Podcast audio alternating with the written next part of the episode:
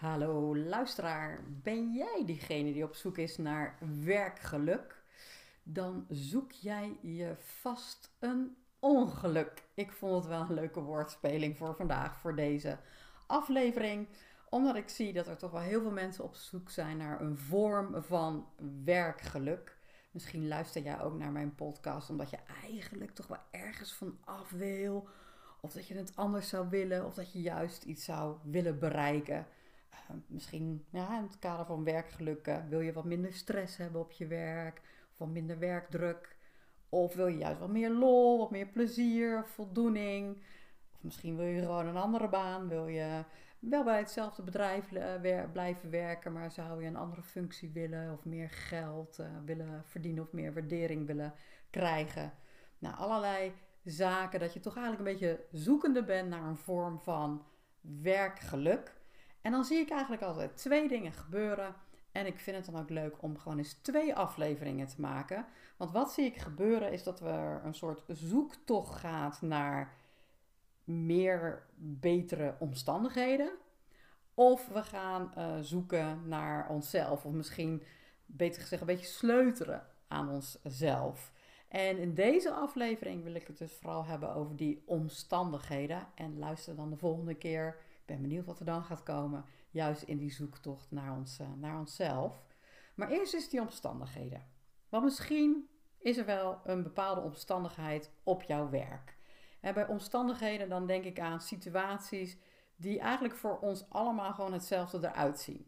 Kijk, ik zit nu op dit moment aan een eettafel. En uh, jij luistert nu wellicht vanuit de auto of je bent aan het wandelen. En dat zijn gewoon omstandigheden. Maar vervolgens geven wij er razendsnel een bepaalde betekenis aan. De ervaring is bij iedereen anders. En iedereen heeft ook een tijdelijke ervaring. Want als ik bijvoorbeeld aan deze eettafel zit, toen ik deze eettafel kocht, vond ik hem echt werkelijk fantastisch. En nu denk ik wel eens, hmm, die eettafel is misschien eens een keer aan vervanging toe. Of zou ik hem eens een keer een kleurtje gaan geven. Dus het is ook een tijdelijke ervaring. Um, ander voorbeeld, ehm, stel je voor, jij zit in bad en je wordt gebeld door je collega. En jij zegt tegen je collega, nou, anders kom je eventjes bij mij langs, kom je gezellig bij mij in bad zitten. Ja, de een ervaart dat als een ontzettend flauwe grap. En de ander ervaart het als grensoverschrijdend. En weer een ander die denkt bij uh, maar op dit moment komt het maar eventjes uh, niet uit en heeft de hele grap of het grensoverschrijdende totaal niet door. Iedereen ervaart iets anders, terwijl de situatie exact hetzelfde is. Er zit een collega in bad en jij belt diegene op om een afspraak te maken. Dat is de situatie, dat is de omstandigheid. Maar hoe die ervaren wordt, is voor iedereen anders.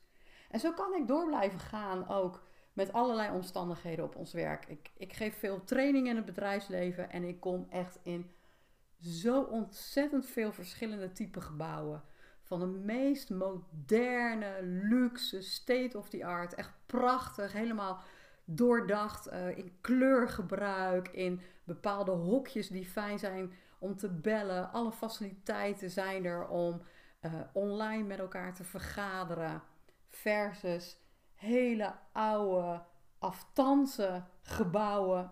En ik zeg, ik gebruik even voor het gemak aftans. Um, want zo ervaar ik het dan vaak helemaal niet. Maar het is gewoon een gebouw wat niet onderhouden is. Waar er gewoon nog met oude apparatuur en oude materialen gewerkt wordt. En ik merk echt dat het echt helemaal niets uitmaakt of mensen werkgelukkig zijn. Iedereen ervaart die werkplek op een andere manier en ook weer op een tijdelijke manier. En in mijn podcast heb ik het natuurlijk regelmatig over de drie principes. En die drie principes, die zorgen er dus voor dat jij zo'n omstandigheid beleeft. Om weer terug te komen op mijn eettafel. Die eettafel die was er altijd al. Tenminste, in de zin van hij staat hier een jaartje of tien in mijn woonkamer. Maar jij beleeft hem nu pas ook doordat er denken is. Dat is een van de principes. En doordat we, dat jij nu luistert naar mijn verhaal, zijn we ons ervan bewust dat er een eettafel is en we leven allebei. Dus die drie principes, hè, er is leven en er wordt denken beleefd. Dat, dat zorgt ervoor dat er dus een ervaring is van die omstandigheid. En dat vind ik wel steeds weer een hele interessante ingang, omdat we soms zo aan het sleutelen zijn aan allerlei omstandigheden. Maar die omstandigheden, ja, die maken jou helemaal niet gelukkig. Die omstandigheden maken jou ook niet ongelukkig. Die ervaring komt van binnenuit, vanuit die drie principes. En van binnenuit bedoel ik dus, dus dat er bij jou is er denken, waar jij trouwens helemaal niet schuldig aan bent, hè? Die popt gewoon random op. Maar die gedachte die popt op en dat, die wordt beleefd in dit moment en dat zorgt voor een ervaring. En die hoek opkijken vind ik veel interessanter dan gaan zitten sleutelen aan die omstandigheden. En dan kan het wel zijn dat als je die hoek op gaat kijken, dat je dan denkt: oh, dus het is maar een gedachte dat ik mijn werk niet leuk vind, of dat ik stress ervaar, of dat ik werkdruk ervaar. Maar dat is eigenlijk weer, ja, klinkt een beetje alsof je het dan toch wil, wil gaan relativeren of zo. Dat is niet wat ik bedoel. En de drie principes leggen echt alleen maar iets uit en geven, ja, wijzen geen schuldigen aan of zo. Het is niet van het is maar een gedachte, dus nu moet jij gaan sleutelen aan jouw gedachten. Dat is niet wat er bedoeld wordt. Het is wel een gedachte. Dankzij het denken kun jij die omstandigheden beleven. Maar ik denk dat het zinvol is om eens te kijken naar dat er wel heel veel gedacht wordt en vooral dat er heel veel geloofd wordt. Dat we denken, dat zien we vaak nog wel, maar dat, dat we onze gedachten ook echt allemaal geloven. En dus alleen al in het kader van werk zijn we gaan geloven dat werken echt een noodzaak is. Dat, dat we echt moeten werken om geld te verdienen. Want ja, ik moet die hypotheek natuurlijk wel kunnen betalen. Of ik moet wel voor mijn gezin kunnen zorgen. Of ik moet wel leuke reisjes kunnen maken. Ja, dus ik moet toch echt wel geld verdienen. En we zijn ook echt gaan geloven dat, ehm, ja, bijvoorbeeld iets waar ik lange tijd in geloofd heb, dat het werk wat ik doe, dat moet natuurlijk ook echt wel leuk zijn. Want anders dan puntje, puntje, puntje. En dan kan ik weer zo'n hele riedel daaraan vastplakken. En al deze dingen die ik nu zeg, hè, zo van ja, je moet natuurlijk wel werken, want het is een noodzaak of voor geld en het moet natuurlijk allemaal leuk zijn. Ja, ik kan hier nu een heel, heel betoog gaan houden met allerlei tegenwerpingen. Ik kan ze zo allemaal van tafel vegen, dat het allemaal klinkklare onzin is.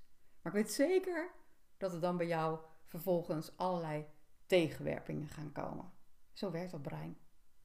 Want ik zeg bijvoorbeeld ook helemaal niet dat je dus dan maar gewoon moet stoppen met werken en dat niemand moet gaan werken. Dat lijken we dan wel eens te horen, maar dat zeg ik helemaal niet. of dat ik zeg, ah, je hebt inderdaad helemaal geen geld nodig. Nee, je hebt nooit, nooit, nooit geen geld nodig. En ik weet, er bestaat een vorm van geef-economie. Daar gaat weinig geld in om. Maar volgens mij, ik hoor het mezelf al zeggen, weinig geld. Ook daar gaat heus wel eens wat geld in om om even naar de bakker een brood te halen.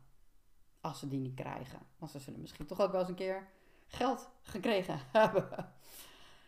en of ik zeg ook trouwens niet, ik zei als laatste, ik geloofde zelf heel lang dat je echt een hele leuke baan moest hebben. Dat je dan maar in die vreselijke baan moet blijven. Dat is allemaal niet wat ik, wat ik zeg. Maar er is wel interessant om te kijken dat wij heel veel denken hebben wat we gewoon geloven. Er is dus een omstandigheid, die wordt door iedereen anders en tijdelijk ervaren door dat denken. Maar dat verhaal wordt vaak nog veel groter omdat er het geloofd wordt dat die eettafel bijvoorbeeld echt wel heel erg belangrijk is, echt wel heel erg nodig is. Want anders, en dan puntje, puntje, puntje, komt er allerlei weer denken met allerlei rampscenario's. Nou, alleen al dat zien is al super interessant. Maar de titel van deze aflevering is: Je zoekt je een ongeluk als je werkgeluk zoekt. Je zoekt je een ongeluk als je werkgeluk zoekt. Ik geloof erin dat datgene wat jij daadwerkelijk zoekt voorbij jouw denken is. Misschien wel beter eigenlijk gezegd, voor het denken is voordat je gaat denken. En er is voordat er denken is, is een soort van lege ruimte. Sommige mensen noemen het een vorm van stilte. Je zou het ook echt kunnen zien als dat is je staat van zijn. En dat is geluk. Dat is je essentie. Dat is wie je echt daadwerkelijk bent. En daar zit je dus gewoon middenin. Dus datgene wat je zoekt, daar zit je gewoon echt middenin. Ja, zit niet Banks heeft ook zo'n soort uitspraak. Ik weet hem even niet meer precies. Maar datgene wat je zoekt is gewoon recht onder je neus te vinden. Ja, en ik kan het ook niet zien. Zo recht onder mijn neus, net zo boven mijn lip. Ik kan dat zelf nu ook niet zien als ik naar beneden kijk. Maar je zit er dus echt middenin. En ik noem het nu even geluk. Ik liet net al vallen. Het is eigenlijk de ruimte voor dat denken. Je zou het ook liefde of rust kunnen noemen. Datgene wat jij waarschijnlijk zoekt. Je zit er al middenin. En ik weet dat dit heel erg makkelijk zou kunnen klinken. En het is namelijk ook zo makkelijk. Maar vooral kan het natuurlijk makkelijk klinken als je echt op dit moment het gewoon niet leuk hebt op jouw werk. Want dan is er gewoon ontzettend veel denken. En dat is nou precies wat die drie principes uitleggen. Jij zit midden in dat geluk. Je zit midden in die rust en die ruimte die je eigenlijk daadwerkelijk zoekt. Maar je ziet het gewoon even niet, omdat er gewoon ontzettend veel denken is. En die ruimte, die leegte, datgene dat je dus daadwerkelijk bent, dat omvat dus echt ook alles, hè?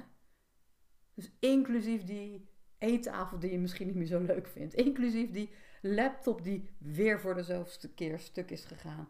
Of inclusief die vervelende collega. Maar kijk gewoon eens de komende dagen. Is gewoon voor jezelf. Wat gebeurt er als jij je realiseert dat je eigenlijk al werkgeluk bent? En dan is aan de slag gaan met je gedachten misschien helemaal niet meer zo zinvol. Want al die gedachten, al die ervaringen over die omstandigheden, die zijn al gecreëerd. Dat is al geweest. Dat noemen we ook wel eens after effect. Je bent te laat. Het heeft geen zin meer om daar aan te sleutelen. Maar in die ruimte, daar, dat is het nu. En kijk wat daarheen oppompt. Kijk. En datgene wat je zoekt, zal gevonden worden. Nou, ik ben benieuwd wat jij hierin hoorde. Laat het me gerust weten. Wil je erover verder babbelen? Stuur even een mailtje naar contact.natasjahogeboom.nl En ik ben er volgende week weer.